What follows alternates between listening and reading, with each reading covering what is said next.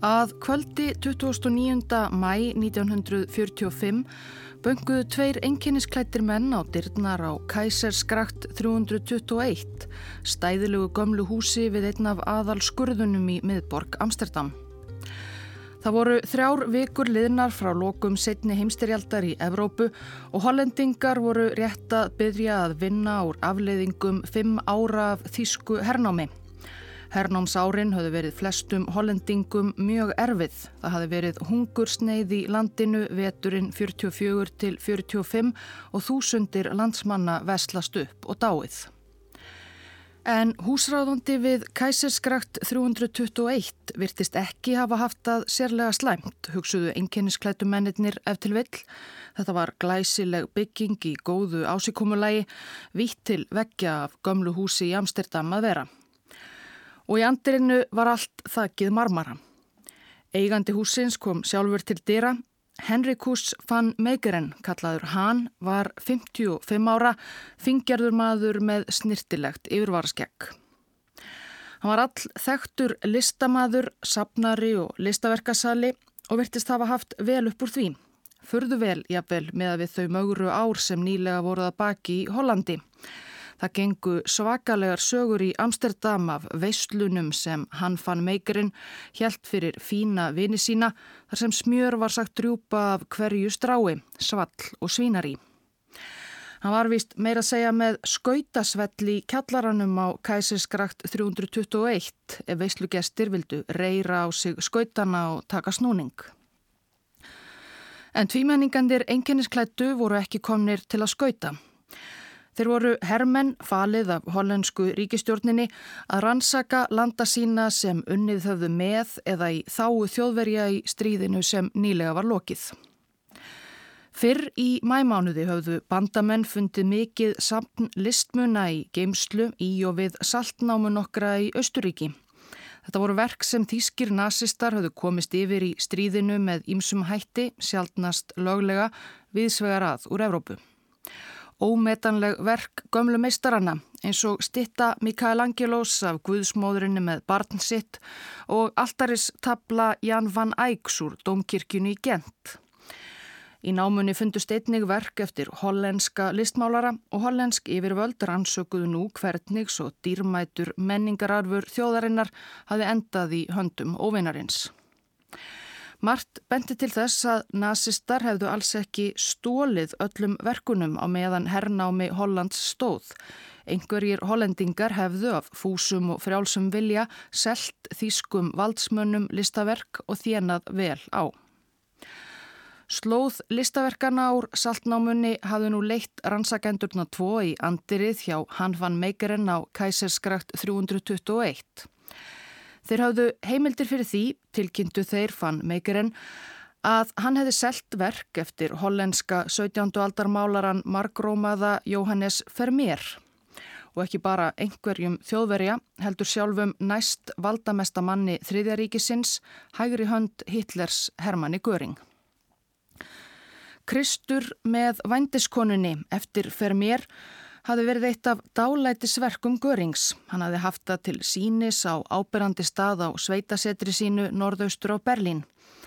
Hann hafði svo gyrnstað að hann var fúst til að skipta á verkinu og 137 öðrum hollenskum málverkum sem hann hafði þegar eignað sér með einum og öðrum hætti.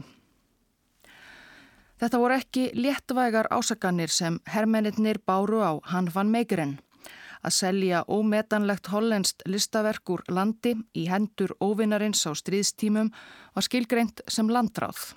Listaverkasalinn átti yfir höfði sér dauðarefsingu ef rétt reyndist. Við fyrstu yfirheyslu neytaði hann vann meikir en sög, sagðist ekkert kannast við málið og hann neytaði aftur og aftur og aftur jafnvel eftir að hann var fluttur í fangaklefa. En svo endanum gafst hann upp og hjátaði reyndar allt annan glæp en hann var sakaður um. Þið eruð allir jafn fávísir. Þið haldið að ég hafi selt fer mér verk þeim óþverra göring. En það var aldrei neitt fer mér verk. Það var eftir fann meikarinn. Ég málaði verkið sjálfur.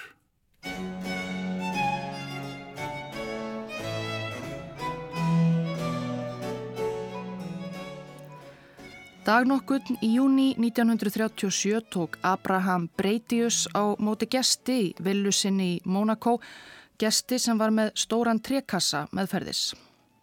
Abraham þessi Breitius hafði um áratuga skeið verið einn helsti sérfræðingur hollendinga í listasögu þjóðarinnar. Hann var þarna orðin 82 ára og hafði flutt til Monaco til að komast í skaplegra loftslag. En hann var ennað störfum hafði þarna nýlokið við að skrifa mikið rit um Rembrandt og hann var oft kallaður til sem álitskjafi í málum er vörðuðu gömlu meistara hollenskrar málararlistar.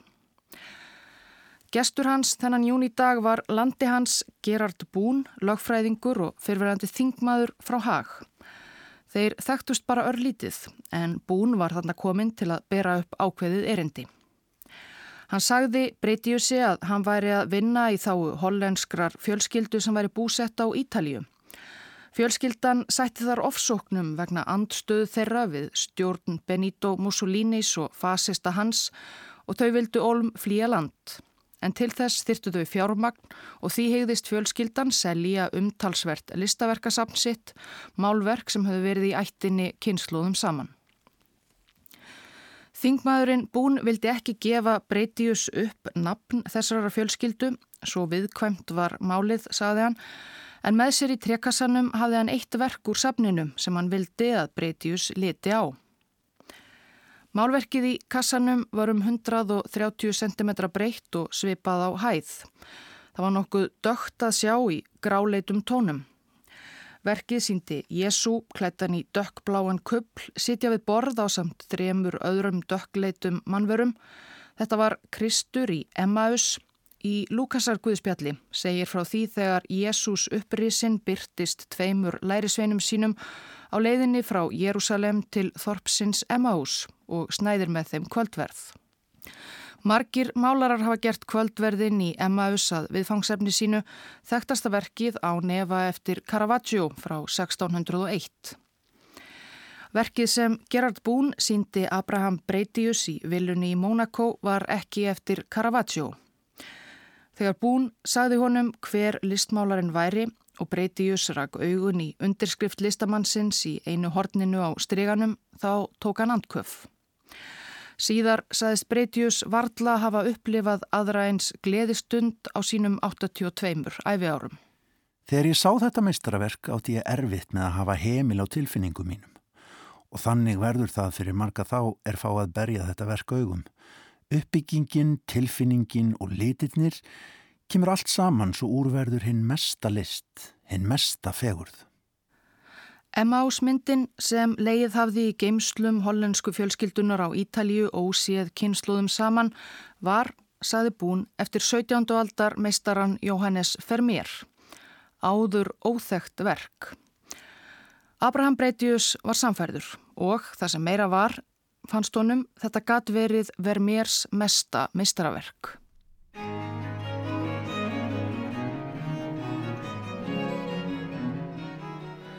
Jóhannes Vermeer bjó og starfaði í hollensku borginni Delft um miðbygg 17. aldar. Það er lítið vitað um lífslaup hans og hann varð ekki langlífur, lést 1675, 43 ára og eftir hann hafa aðeins varðveist á fjórðatugum mynda. Þekktustu verkans nú á dögum sína hverstagslegar senur úr samtíma listamannsins, vinnukonna hellir mjölk úr könnu, ung stúlka lærir á sembal, kona les ástarbref, bjartar myndir og skýrar og allra frægasta verk fer mérs einföld andlitsmynd af stúlku með perlueirnalokk, mynd sem flestir þekkja og hefur orðið ótal listamönnum í ótal miðlum inblástur. En fer mér hafði snemma á ferlinum einnig málað trúarlegar myndir. Allavega hafði eitt slíkt verk varðveist, eitt af eldstu verkum fer mérs, Kristur með Marju Mörtu í Betaníu. Hollenskir listfræðingar höfðu lengi velt vöngum yfir því hvort fer mér hliti ekki að hafa málað fleiri trúarlegar myndir áður en hann snýri sér meira að starfi þjónustu kvenna og öðru því sem gerðist bak við luktardýrinni á hollenskum 17. aldarheimilum. Hlaut ekki að vanta eitthvað í katalókin. Það hafði hollenski listfræðingurinn Abraham Breitius meðal annara oft hugsað. Og þarna var hann komin, hugsaði hann. Kristur í Emmaus virtist honum vera tindi hlekkurinn í málaraferli Jóhannesar Fermér. Þessu magnaða verki Fermérs hefur, Guðið sér lof, verið bjargað úr glemskunar dái. Þar sem það lág falið árum saman, ósnert. Alveg eins og það var þegar það fyrst var flutt út úr vinnustofu listamannsins. Efnistökin eru nær einstök í sögu hans og verkið sínir tilfinningarlega dýft sem varðla hefur sérst í öðrum verkum hans. Að nýtt verk dúkaði upp eftir Jóhannes Vermeer gerðist ekki á hverjum degi. Breitius skrifaði undir yfirlýsingu um að verkið væri sannarlega eftir meistaran og skrifaði svo einnig innblásna grein í virt listaritt Burlington Magazine og dásamaði þar fundin á þessu meistaraverki. Fleiri listfræðingar tóku fljótt undir og þetta varð stórfréttum heimallan. Þeim bún þingmanni og breytius listfræðingi þótti báðum brínt að verkið yrði áfram í hollenskri eigu. Þeir höfðu loks milligöngu um það að virt sapn í Rotterdam, Bójimanns sapnið, kifti Kristi Emmaus eftir Jóhannes Vermeer fyrir 520.000 hollensk gillinni. Auðmaður nokkur var reyndar fenginn til að borga og gefa sapninu verkið því þetta var engin smá upphæð. Andverði meira en 700 miljóna íslenskara króna á núverði. Varðla Rembrandt sjálfur fór á viðlíka verði. En þetta þótti þess virði. Meistaraverk fer mérs varðað varðveita á hollenskir grundu. Vesalings ofsóta hollenska fjölskyldan fyrri eigandur verksins hafði nú líklegast efni á að flýja Ítalju Mussolinis og koma sér heim. Nefna hvað að það var aldrei neinn hollensk fjölskylda á Ítalju sem lúrði á mögnuðu sapni listaverka. Fjölskyldan var uppspunni frá rótum og Kristsmyndin sem senn var hengt upp á sérstakann heiðurstaði í bójimannssapninu í Rotterdam var alls ekki eftir Jóhannes Vermeer.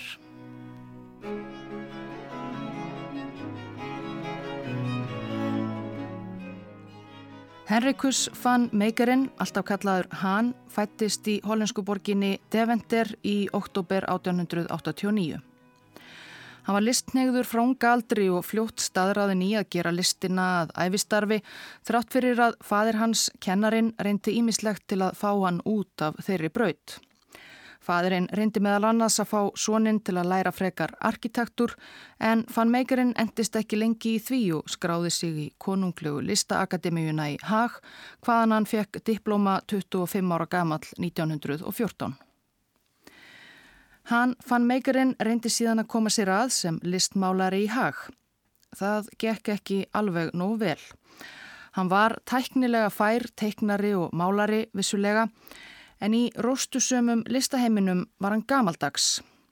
Hann málaði myndir á post og jólakort, portréttmyndir og myndir á plakkut. Það verk hans sem fór hvað víðast var líklega blíjantstekning af dádýri sem sló í gegn meðal konungshollara hollendinga þegar listamæðurinn sló því fram að þetta væri ekki bara hvaða dádýr sem væri heldur eftirlætis gælu dádýr Júlíunu litlu prinsessu, dóttur Vilhelmínu drotningar.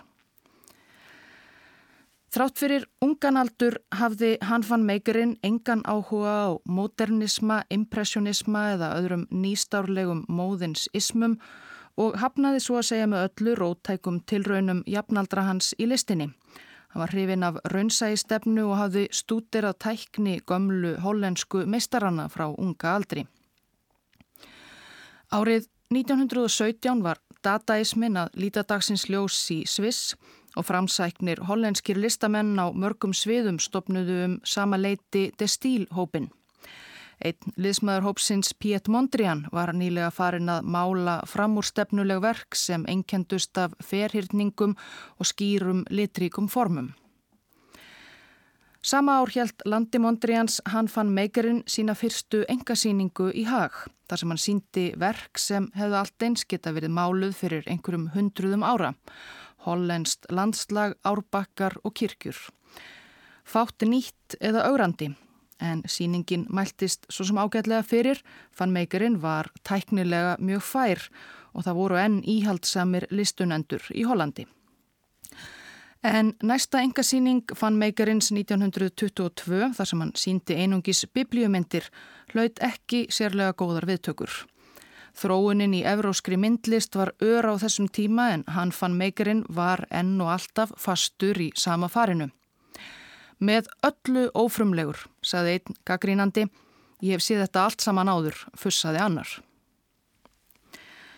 Sama hver sagði hvað var hann fann meigurinn þó alltaf samfærður um eigið ágæti.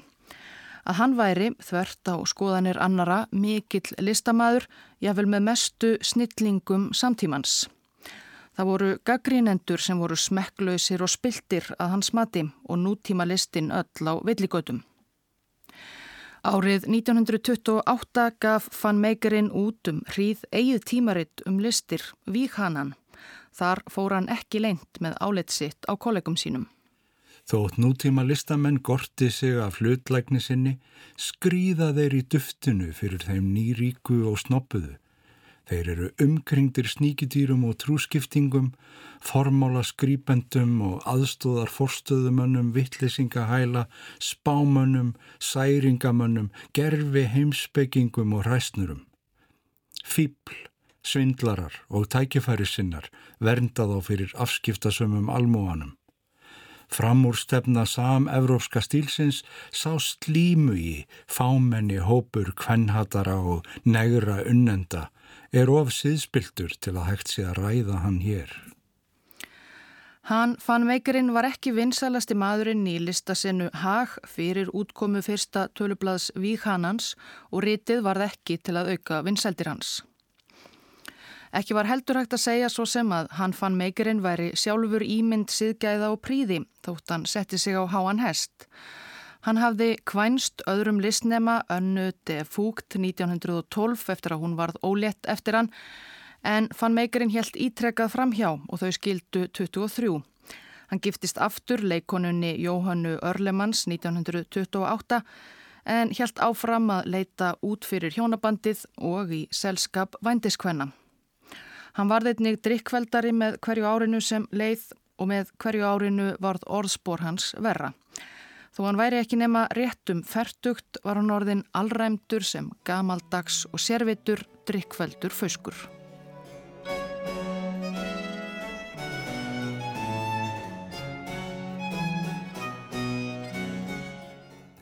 Einn örlagaríkan dag Eftir að hafa sokkið í þunglindi og kvíða vegna vanþoknunarinnar á verkum mínum, ákvaði ég að hefna mín á gaggrínendunum og sérfræðingunum með því að gera nokkuð sem heimurinn hafi aldrei séð áður.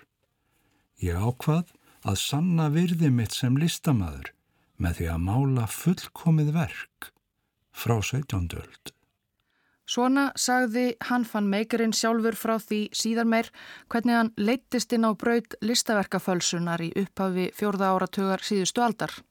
Til þessum sé að hefna sín á gaggrínendum og sanna sig og hæfileika sína. Þetta er þó ekki alveg rétt með farið. Síðar í tíma æfisuguritarar fann meikarinn safa sínt fram á að líklegast fóran að sísla við falsanir talsvert fyrr eða upp úr 1920. Þá bjóðan til nokkur fölsuð málverk í félagi við annan mann og seldi ginnkeftum söpnurum. Meðal annars verk sem þeir eignuðu einum rómaðasta málara hollenskrar listasögu Jóhannes Vermeer. Það var þá ekki hefnigirni sem réð förheldur hreinlega að fann meikarinn vantaði peninga. Hann seldi aldrei mikið af sínum eigin verkum fyrir utan dádýrið og lífstílinn sem hann hafi komið sér upp á, vín og víf og næturlíf, var hansi dýr. En sum sé, eftir mörg ár af vonbreyðum og lélegri gaggríni og útskúfun úr listaheiminum, ákvað hann fann meikarinn nú að hefna sín rækilega, eða svo sagði hann.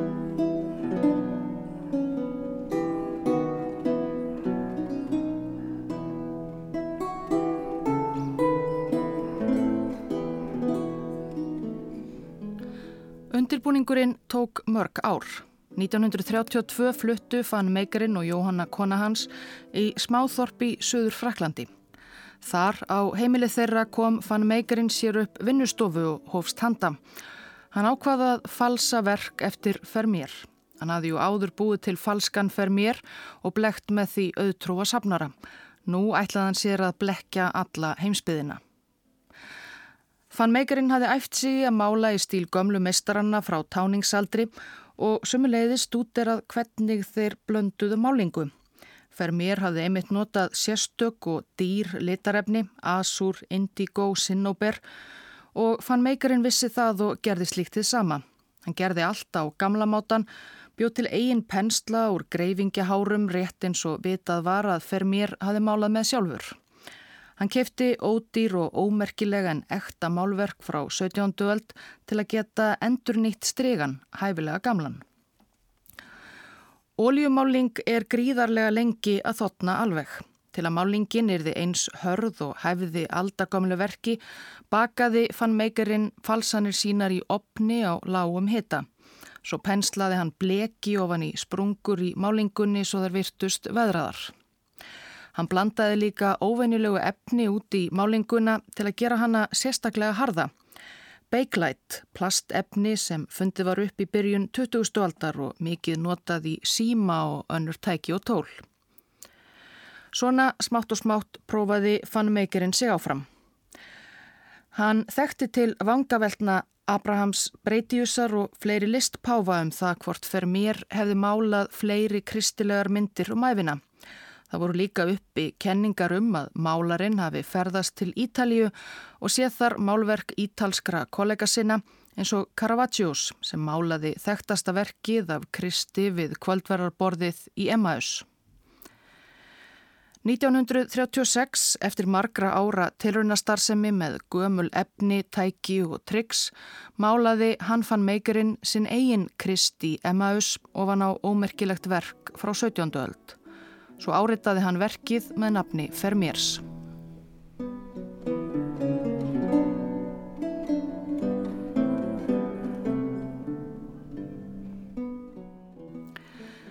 Fyrir næsta skref vandaði fannmeikurinn millilið. Hann valdi Gerard Bún, hollenskan lögfræðing og fyrverandi þingmann. Þeir hafðu hist einu sinni tvísvar en þekktust ekki mikill. Fann meikerinn vissi að bún þessi var listunnandi, engin sérfræðingur þó og vel tengdur. Fann meikerinn fór til Parísar til fundar við þingmannin. Yfir koniaksglasi á kaffihúsi saði fann meikerinn honum legasöguna sem hann hafi kokkað upp af þessu tilefni. Að hann hefði kynst konun okkuri sem tilheyrði auðugri hollenskri fjölskyldu á Ítalíu. Eftir að Mussolini komst til valda vildi konan snúa heim en ítalatnir lefiðu henn ekki að flytja úr landi með listaverkasapn látins föðursíns. Flest verkin, sagði fannmeikarinn, væru líklega ekki mikilsvirði en hann hefði séð eitt hjá henni sem hefði vakið aðtegli hans. Hann var ekki frá því að það væri eftir Jóhannes Fermér sjálfan. Bún tók andköf Fermér Þá væri þetta hollensk þjóðargersemi sem brínt væri að koma í örugt skjólundan ítölskum fasistum. Hann bauð sig umsögulegst fram til aðstóðar. Þannig atvikaðist það að Gerard Bún hjælt á fund listfræðingsins Abrahams Breitiusar í Monaco með söguna af hollensku fjölskyldunni á Ítalju og falsaða fer mér verkið undir hendinni, verk sem hann sjálfur taldi vera ekta og úr varðað breytius samfærðist einnig um að Kristsmyndin sem fannumeikarin hafi málað á vinnustofu sinni úr blöndu af litarefnum, olíu og beiglætt plasti og skellt svo í opnin að þotna, blekti sérfræðingin mikla breytius og var von bráðar komið upp á vegg á einu virtasta sapni hollendinga í Rotterdam. Söluverðið rataði í gegnum nokkra milliliði til hann fann meikarins og konu hans. Samkvæmt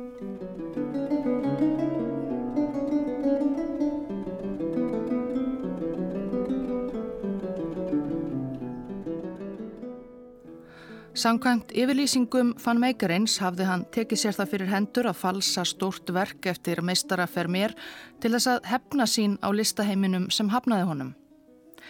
Ef það var í raun og veru ástæða þess að hann bógraði yfir fölsuninni árum saman, hefði mótt ætla að um leið og listfræðingarnir hoppuðu hæði sína í loft upp af aðdáin á þessu óþekta meistaraverki og virt sapn kiftiða fyrir heiminn háa fjárhæð, þá væri takmarki hans svo sannarlega náð.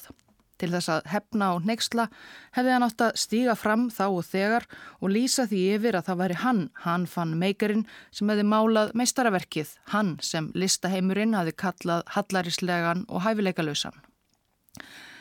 En fann meikarinn gerði ekkert þessu líkt. Hann þagði þegar Kristur í Emmaus var selt og tók við peningunum.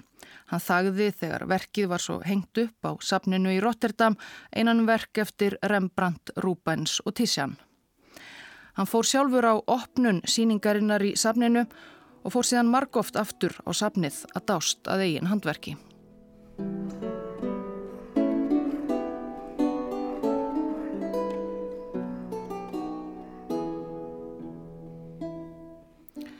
Eftir söluna á Kristi í Emmaus fluttust fann megrinn hjónin úr smáþorpinu í söður Fraklandi í stort glæsilegt hús í fínu útkverfi Nýs. Hann helt áfram að falsa millir þess að mann sletti úr klaufunum og sló sér upp á klúpum borgarinnar, nóg átti nú á peningum. Í júli 1939 skrifaði fann megrinn Bún að nýju. Kunningakona hans, þessi sem leta á hafa fyrir mér verkið, hafi verið í sambandi aftur. Aldraður frendi hennar sem bjó í Kastala í Fraklandi var að deyja úr krabbamenni og hann að rámaði í að hafa séð biblíumálverk í safni hans áþægt Kristi í Emmaus. Ég fór með henni. Við leituðum í tvo daga en fundum ekkert fyrir en þjóttnin sað okkur að það væru nokkrir upprúlaðir strygar á háaloftinu. Það var þar sem við uppgötuðum stórkostlegasta og mikilvægasta málverk sem nokkur tíman hefur verið málað. Þetta var síðasta kvöldmáltíðin eftir Fermér, mun stærri og fallegri en málverkið í Rotterdam. Það er dramatískara og fallegra en nokkuð annað af hans verkum. Ímyndaði þér harmþrungin Krist með halv lokuð augun yfir vínbyggarnum. Nei, það er ómögulegt að lýsa því. Við líka meistaraverk máluð ekki Leonardo, Rembrandt, Velasquez, nýja aðrir meistarana.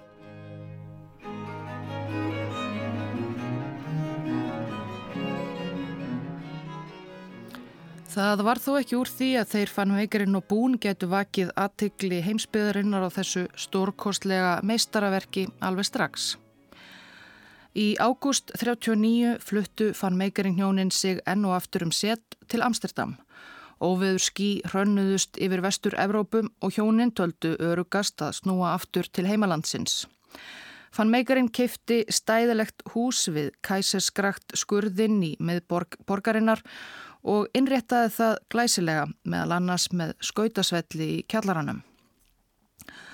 Og það var ekki það eina sem hann kefti. Á næstu árum kefti fann meikarinn meira en 50 fasteignir í Amsterdam og Víðar fyrir fjö sem hann grætti á sölunni á Kristi Emmaus og fleiri fölsunum sem hann bjóð til í nafni Fermiers og fleiri listamanna hollensku gullaldarinnar.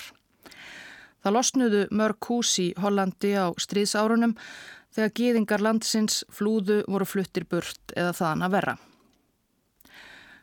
Falsanir sínar hjælt fann meikarinn áfram að selja í gegnum milliliði og notaði mikið til sömu söguna að þau kæmu úr listaverkasafni hinnar dularfullu hollensku fjölskyldu á Ítalíu. Mynd fer mérverk urðu þó sjáanlega lélegri með hverju áreinu sem leið. Velgengni fann meikarins steg honum til höfuðs, trúgirni listapáfana og hann lagði minni og minni vinnu í hvert verk og sjálfur var hann líka að sökva dýbra í fen áfengisfíknar og hafði ánetjast morfinpillum að auki.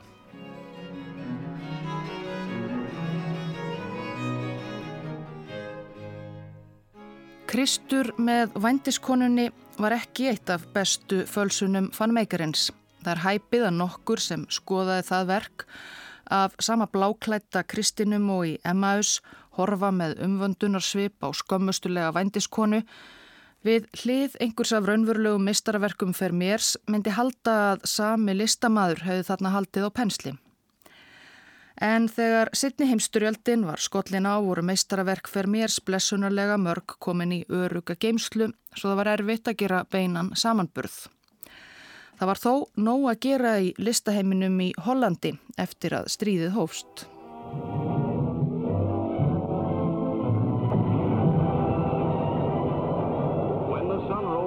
Fateful day, the Nazis invaded the Netherlands. Without warning or the slightest provocation, they unleashed upon their innocent neighbor the full terror and fury of a devastating blitzkrieg. Sjaks Gáttstikker flúði Amsterdam viku eftir fall borgarinnar í hendur þjóðverja í mæ 1940. Hann var gýðingur og einn helsti listaverkasæli hollendinga. Gáttstikker fjölskyldan hafi kift og selt málverk kynnslóðum saman og Sjaks átti á annað þúsund verðmætra málverka. En þau skildu hann eftir þegar hann flúði. Hann komst ekki langt, Gáttstikker datt og hálsbrotnaði um borði skipi á leið til Breitlands 16. mæ. Það leið ekki á laungu þar til næst valdamesti maður Þískalands, Hermann Göring, byrtist í síningarými Gáttstikkers í Amsterdam og þvingaði ekku hans til að selja sér öll 1000 og eitthvað málverkin fyrir hlálega sumu, brotabrot af raunvörulegu virði þeirra.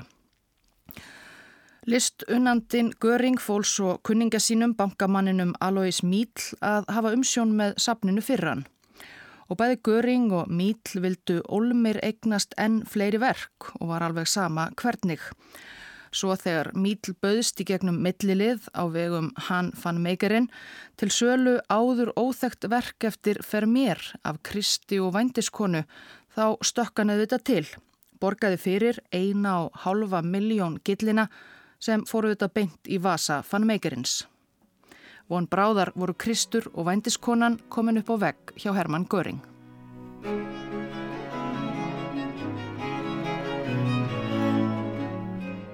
De Amsterdamse rechtbank zal een proces worden gevoerd waarvoor de hele wereld belangstelling heeft. Het proces tegen de kunstschilder Han van Meegeren. Daags tevoren worden met een verhuiswagen de beruchte schilderijen aangevoerd die Van Meegeren op zo geraffineerde wijze in de trant van beroemde oude meesters vervaardigd heeft, dat de wereld aan de echtheid niet twijfelde en voor deze vervalsingen enorme bedragen neerlegde. Réttarhöld yfir Han van Meekerinn hófust 29. oktober 1947. Á fréttamyndum á sjá Van Meekerinn ganga keikan í domsal þar sem búið var að hengja upp meint fer mér verk, Kristi Emmaus, Krist með vendiskonunni og hinn að stórkostlegu síðustu kvöldmáltíð. Hann mátti líka vera ánaður með sig. Hann hafði uppaflega átt yfir höfði sér dóm fyrir landráð og dauðarefsingu. Nú var hann aðeins sagaður um listaverkafals og fjársvig og saksóknari fór fram á tveggja ára fangelsi. Fann meikarinn hafði þegar játað sög. Til að taka af allan vafa hafði hann meira segja sínt nákvæmlega hvernig hann fór að. Hann hafði á fimm mánuðum frá júli og fram í desember 45 Í viðurvist bladamanna og fleiri vitna málað eina hinstu fölsun í stíl Fermers, Jésu meða læknana, mannhæðarhátt málverk af einbeittum unglegum kristi innan um döflega gamla lækna. Myndin sver sig ætt við hinnar kristilegu Fermérmyndirnar. Fann meikarinn síndi hvernig hann blandaði málingu upp á gamlamátan, málaði á gamlan stryga og svo framvegis. Fyrir dómin voru svo einnig kallaðir vísindamenn sem hafðu stútirað myndir hans og greint. Það var þeim greinilegt að þetta voru falsanir, sköpunarverk 20. aldar. Fer mér sjálfur til dæmis hafði aldrei notað Bakelite.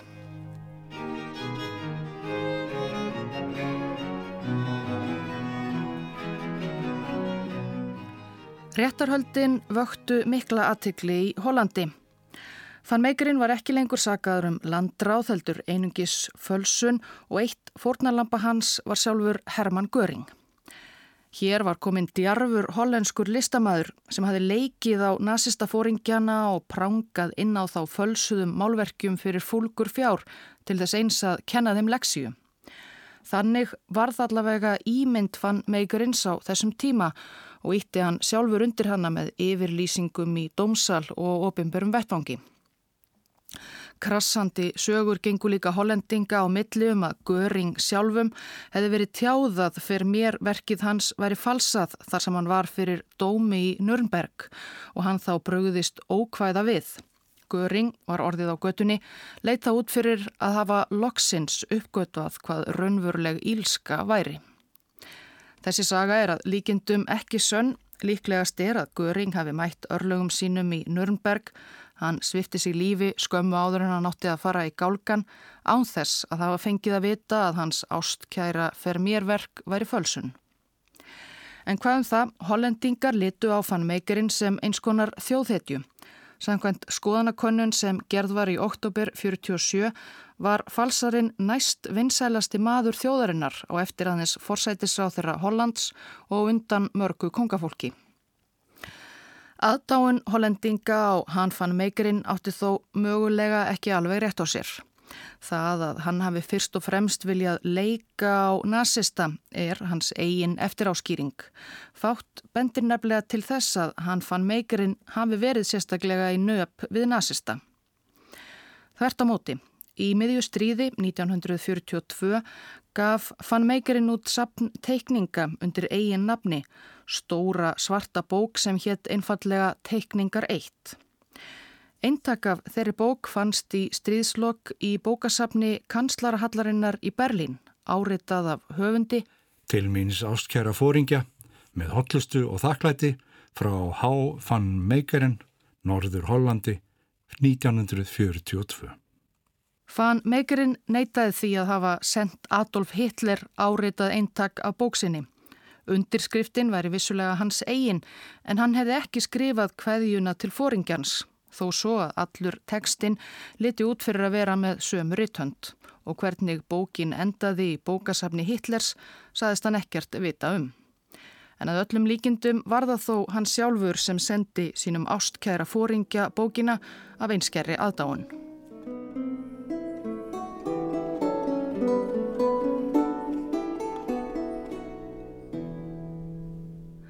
Eftir tæbra tveggja vikna réttarhöld 12. november 47 var hann fann meikurinn fundin segur. Hann var dæmdur í ársfangelsi. Hann var ennað býða eftir að vera kallaður til að afplána dómin tveimur vikum síðar, 27. november, þegar hann fekk hjartaáfall heima hjá sér í húsinu við Kæsiskrakt. Hann var fluttur á sjúkrahús þar sem hann fekk annað hjartaáfall mánuði síðar, Hann fann meikarinn lést 30. desember 1947, 58 ára. Dit is het huis in Amsterdam van Weiden Han van Meegeren, de schilder die bekend werd door zijn vervalsingen. Het is er kijkdag, want zijn inboedel wordt geveild. Er blijken veel mensen interesse te hebben. Van Meegeren is een naam die thans trekt. Munir úr dánarbúi fann meikarins voru boðnir upp til að borga fornarlömpum hans skadabætur og hollenska ríkinu vangoldna skatta. Fann meikarinn hafði líst yfir gjaldþrótti eftir handtökuna en húsið við kæsisgrakt 321 reyndist fullt af fínum húsgögnum og mörg hundruð listaverkum og sviknum eftir gamla og nýja meistara. Fann meikarins eigin verk seldust fyrir ágætar sumur þótt að væri ekkert í líkingu við þau verð sem hann hafi fengið þegar hann þóttist vera för mér. Fann meikarinn og kona hans Jóhanna höfðu skilið á stríðsárunum Þau slitu þó ekki sambandi en við skilnaðinn hafði fannmeikarinn gefið konu sinni stóran hluta auðaversinna þeirra marg miljóna sem hann hafði þjenað á falsi. Hann staðhaði síðan við lauruglu fyrir dómi og við bladamenn að Jóhanna hefði ekkert vitað um glæpi hans og aldrei grunað neitt. Ég vil þótt hann hafi lagt stóran hluta hjónaheimilis þeirra undir fölsunarframlýslu. Yfirvöldum tókst aldrei að sanna að Jóhanna hafi átt einhvern þátt í glæpum einmannsins og hún fekk að halda auðafunum þóttu væru að miklum hluta ítla fengin. Jóhanna fann meikarinn lifiði í velistingum fram í háa elli.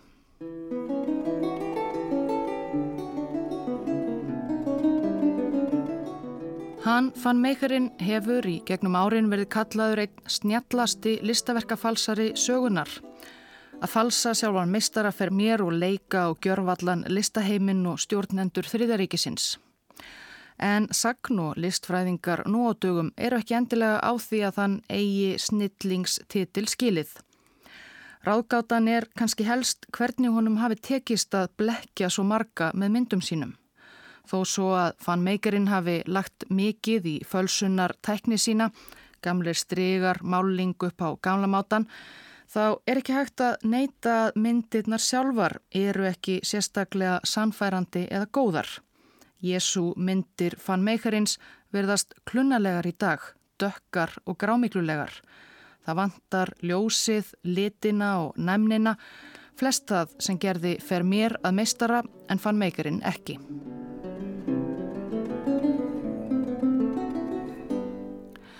Elsti sonur hann fann meikarins Sjaks varð einnig listamæður. Eins og fadir hans málaði hann í gamaldags stíl óeftirminnileg verk sem vöktu ekki mikla aðtegli og seldust ekki sérlega vel. Þar til hann tók upp á því á sjönda áratug síðustu aldar að feta í fótsporföður síns og fara að falsa.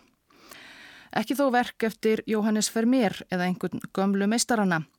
Hann falsaði verk annars listamanns sem hafi vakið mikla aðtegli í Hollandi og víða um heim á 20. stöld. Sjaks fann meikurinn fór einfaldlega að skrifa undir verk sín með nafni föður síns.